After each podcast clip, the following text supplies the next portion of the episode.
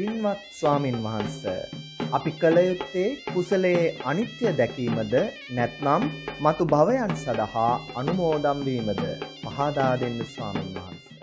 කුසල් ගැන කතා කරන්න ඉස්සෙල්ලා මම මතක් කරන්න ඕනේ මේ පින සහ කුසලය කියන කාරණා දෙකක් ගැන අපි කතා කරනවා. බුදුරජාණන් වහන්සේ පින කියලා කියන්නේ සැපයට කියන්නා වූ තවත් නමක්. ඒ කියන්නේ සැපයට කියන තවත් නමක් තමයි පින කියලා කියන්නේ. ඔබ සැපයෙන් ජීවත් වෙනවා නම් ඒ ඔබ සැපයෙන් ජීවත් වෙන්නේ පින නිසා. කුසලය කියලා බුදුරජාණන් වහන්සේ දේශනා කරන්නේ මොකද්ද? සිතින්, කයින්, වචනයෙන් සිද්ධ වෙන්නා වූ යහපත් දේ සහ අයහපත් දේ. දැන් කයෙන් සිදුවෙන්නා වූ යහපත් දේ තමයි අපි සතුන් මැරීමෙන් වළකිනවා, සොරකම් කිරීමෙන් වළකිනවා, කාමයේ වර්ධවා හැසිරීමෙන් වළකිනවා.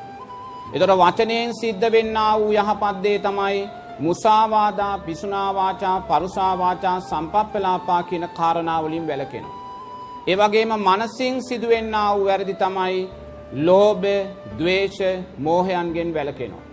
ඒ කියන්නේ යමෙක් මේ සිතින්, කයින්, වචනයෙන් සිදුවෙන්නා වූ වැරදි වලින් වැළකීලා ජීවත් වෙනවා නම් එතන කියනවා අපි කුසලයේ තුල ජීවත් වුණායි කියන කාරණේ.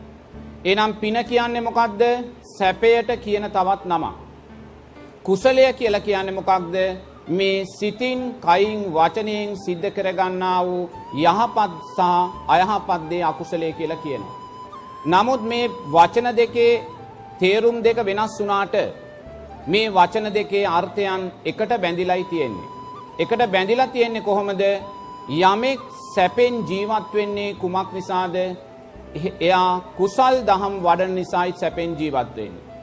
යමෙක් අසතුටෙන් ජීවත් වෙන්නේ කුමක් නිසාද? එයා අකුසල් දහම් වඩන නිසායි එයා අසතුටෙන් ජීවත් වෙන්නේ. එහෙනම් මේ පින කියලා කියන්නේ සැපයට කියන තවත් නමක්. ඒ වගේම කුසලය කියලා කියන්නේ සිතින්, කයින්, වචනයෙන් සිද්ධ කරගන්නා වූ යහපත් දේ. එහෙමනම් මේ මහත්මය අහපු ප්‍රශ්නය තමයි අපි මේ කරන්නා වූ පින වේවා කුසලය වේවා අපි ඒ මොහොතේම ඒ පින්කම් සිද්ධ කරලා ඒ සංස්කාරයන්ගේ අනිත්‍යභාවය දකිමින් අත්හැරලා දානවද? එහෙම නැත්නම් ඒක භවයේ අනාගත සැපේ උදෙසා ප්‍රාර්ථනා කරනවාද කියන කාරණේ.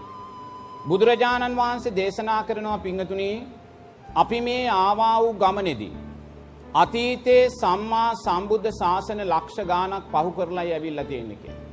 බුදුරජාන් වහන්සේගෙන් එක්තරා බමුණෙක් ඇවිල්ලා අහනවා භාග්‍යවතුන් වහන්සේ අතීතයේ මේ ලෝකේ බුදුරජාණන් වහන්සේලා කී නමක් පහළ වුණාද කියලා. ඒ වෙලාවේ